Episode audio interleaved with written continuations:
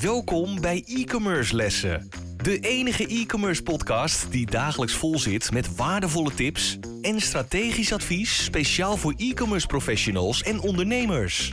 Gegeven door twee ondernemers met vele jaren aan ervaring die hun strepen verdiend hebben in de marketing en e-commerce. Laten we beginnen met het verhogen van jouw e-commerce kennis. Hier zijn je leraren, Dries de Gelder en Alexis van Dam. Welkom bij weer een les e-commerce lessen. Les 16. Ik ben Dries de Gelder. En ik ben Alexis van Dam. We gaan het hebben over funnels. Ja, nou, funnels zijn natuurlijk eigenlijk uh, wel een basisdingetje wat je natuurlijk goed moet doen voor je webshop en website. Um, wat is eigenlijk het verschil tussen een sales funnel en een marketing funnel? Voordat je verder gaat. Ja, nou, dat is een goede vraag daar. Je begint natuurlijk met de marketing, hè? dus een stukje uh, ja, awareness creëren, uh, aandacht creëren. En uh, langzaamaan terecht je door en uiteindelijk op het punt dat mensen echt geïnteresseerd raken, dan kom je eigenlijk in de sales terecht. Um, het hangt natuurlijk een beetje vanaf hoe jij het inricht, hè? dat is natuurlijk een uh, belangrijk puntje. Maar de sales kan dus echt wanneer er daadwerkelijk een vraag ligt van ik heb interesse, uh, ik kom naar de winkel toe of ik ga naar je webshop toe en ik ga echt bewust kijken. Ik ga naar factsheets kijken van product, wat is het nou? Ik ga misschien vragen stellen, ik ga naar mijn netwerk kijken. Dat je echt richting gaat, ik wil verkopen. Dus dan is echt een behoefte om in te vullen. Het stuk wat erboven ligt is eigenlijk puur uh, interesse wekken. En als mensen voldoende interesse hebben, komen ze een keer bij je uit.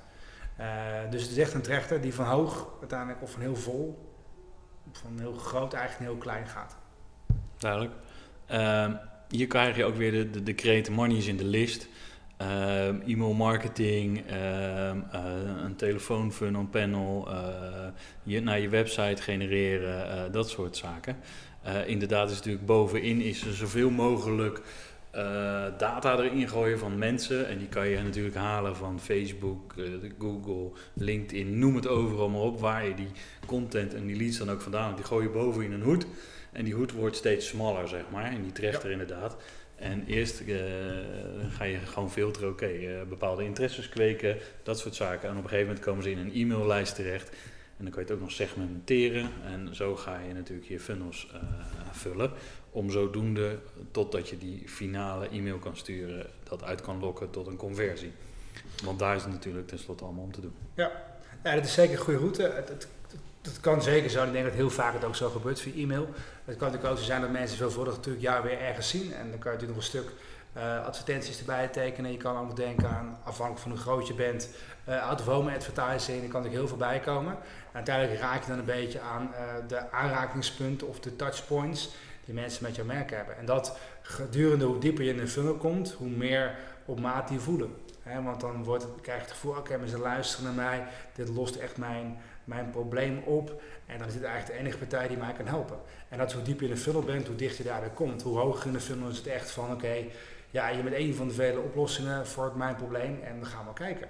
En misschien is het ook helemaal geen probleem. Misschien is het meer een latent probleem dat je denkt van nou, het is eigenlijk geen probleem, maar er wordt een beetje een probleem gemaakt. En dat je dan misschien langzaam aan die stress in gaat. En dat is iets wat, kan me voorstellen, veel voor webshop-eigenaren best wel zo'n puntjes van ja, maar die bovenkant ben je heel veel geld kwijt, want heel veel mensen bereiken om uiteindelijk een klein groepje over te houden. Ja, dat is een beetje onderdeel van, van de marketing.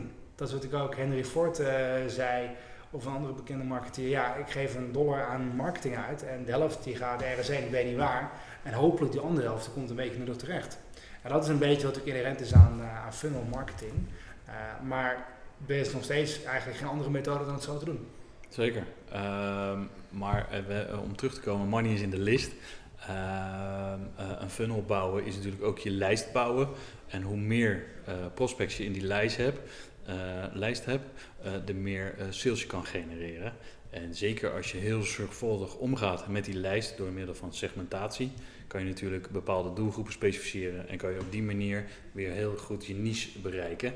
Om zodoende zo, om zojuist mogelijke content te sturen om tot die conversies te komen. Heb je al eens gehoord van een break-even funnel, Alexis? Nou, eigenlijk niet. Nou ja, je was Misschien, net al heel nieuwsgierig toen ik het opschreef. Misschien kijk ik het wel, maar niet onder die naam. Oké. Okay.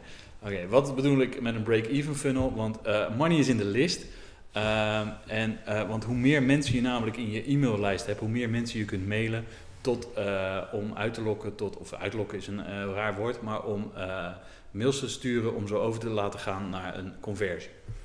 Hoe bouw je nou met een break-even funnel je, je lijst op? Nou, je kan bijvoorbeeld een product gaan weggeven of voor een x een scheidbelachelijk bedrag op Facebook of op, op Google, maar wel dat je nog een beetje wat aan overhoudt. En dat wil dus betekenen dat je zegt, je, je plaatst een advertentie op Facebook en die kost je 100 dollar om over te gaan tot 10 verkopen van een, van een product wat belachelijk weinig kost. Maar waar je nog wel voldoende marge over hebt om dan je uh, volgende advertentie weer te kunnen betalen. Dus voor, uh, voor, als voorbeeld, je uh, doet op Facebook een advertentie van 100 euro en je verkoopt daarvoor een product van 11 euro waar je 10 euro aan overhoudt. Nou ja. Je krijgt 10 orders binnen, dat betekent dat je weer 10 nieuwe mensen aan je lijst kan toevoegen. Ja? Maar omdat je, 100, uh, omdat je 90 euro overhoudt, of uh, nee, uh, je hebt 110 euro aan sales binnengehaald, hou je 100 euro over, kan je die weer investeren in nieuwe advertenties. En dat is een break-even funnel. Zodat je zeg maar later, als ze eenmaal in die lijst staan, ga je met andere marketingcampagnes, ga je ze voeren totdat ze komen tot een duurdere oplossing of tot een duurdere dienst. Ik vermoed dat dit dan eigenlijk wel goed geschikt is voor echte verbruiksproducten. Niet zozeer duurzame producten. Of kan het ook? Dat kan ook, maar dan kan je bij wijze van spreken, als je een soort van uh, uh, een boekje verkoopt van een x bedrag. het boekje kost je inkoop 3,50 euro en je verkoopt het voor 13,50. Blijft er nog steeds dat tientje over. maar het boekje heeft misschien een waarde van 39 euro als je daar in die marges, dus in plaats van 39 euro, kunnen ze dat boekje nu kopen voor 13,95 kopen ze het in je webshop, zitten ze in je marketing, in je, in, je funnel. En dan kan je ze dus gaan uh, mailen met uh, interessante aanbiedingen voor een product waar je marges groter op zijn.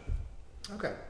Ja, ik ken het concept wel niet specifiek onder deze naam qua idee, maar het is inderdaad interessante gedachte. Zeker denk ik voor uh, ondernemers, webshop-eigenaren die nogal aan het beginpunt zitten en eigenlijk een beetje wat meer willen, willen groei willen realiseren. Het is ook een hele mooie methodiek dat je langzaam aan je lijst kan gaan bouwen. En ja, dat is natuurlijk erg slim om vanuit die gedachte op te zetten. Zeker. En je moet natuurlijk eigenlijk zo zien, uh, ik teken het nu heel zwart-wit om, om het een beetje een duidelijk voorbeeld te maken in een, uh, in een podcast. Maar weet je, uh, ze kunnen natuurlijk gewoon op een landingspage terechtkomen waarin ze zich in kunnen schrijven voor die nieuwsbrief. En als ze een product kopen, zitten ze ook in die funnel. Dus hoe dan ook. maar eigenlijk is de bedoeling dat je een goedkoop product verkoopt om zo je marketing funnel te financieren. Dus een break-even funnel. Ja, ik denk een hele mooie toepasbare strategie voor uh, de beginners. En ik denk dat uh, elke webshop uh, zeker moet werken aan een sales funnel. En zeker als je dan ook weer daar retentie en referral in gaat toepassen. Want als mensen eenmaal in een funnel zitten, in een sales funnel zitten en dat ze weer na 30 of na 60 dagen gereactiveerd worden. En je kan ze weer een aankoop doen, laten doen, dus een referral iemand die een herhalingskoop, uh, of uh, een retentie, iemand die weer een herhalingsaankoop doet, dat zijn natuurlijk je beste klanten. Want die hoeven niet meer, die hebben al het vertrouwen in je webshop. Dus het is makkelijker om bij, aan, bij te scoren. En natuurlijk ook het mooie daarvan is eigenlijk ook goedkoper. Hè? Want uh, hoe lager in de funnel, en zeker als je een herhaalaankoop doet, is het veel goedkoper om tegen te marketen dan als je helemaal bovenaan in de, in de awareness kant zit het kost veel meer geld. Dus dat is ook mooi wat je te veel. Je wilt een grotere groep hebben die continu bij jou terugkomt hangt een beetje van je type product en dienst natuurlijk af. Hè. Als iets wat je vaak koopt of niet zo vaak koopt. Maar zelfs dan heb je liever terugkomende klanten dan elke keer maar nieuwe klanten werven. Dat is gewoon vele malen duurder. Zeker. Moeten we nog meer vertellen over funnels?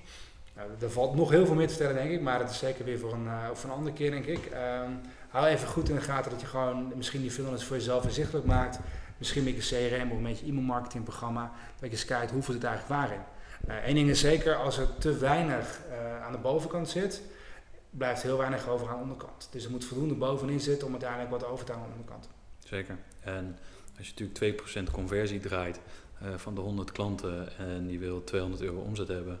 En met 2% heb je, of met één, uh, één order heb je 100 euro omzet. En 2% is dus 200 euro. Kan je precies helemaal doorrekenen van hoeveel je in je funnel moet hebben om dat continue proces in gang te houden. Precies. En kan je ook precies uitrekenen wat het kost. Ja, dat is ook het mooie van een funnel. Zeker, dat is mooi van marketing. Wij waarderen het enorm dat je weer naar een e-commerce les hebt geluisterd. Ga naar e-commercelessen.com voor nog meer interessante content over deze les en schrijf je in voor onze nieuwsbrief voor nog meer succes. Vergeet absoluut geen review te schrijven en je te abonneren op onze lessen. Einde les! E-commerce studenten, jullie kunnen de klas verlaten en vergeet de volgende lessen niet voor nog meer geweldige e-commerce resultaten.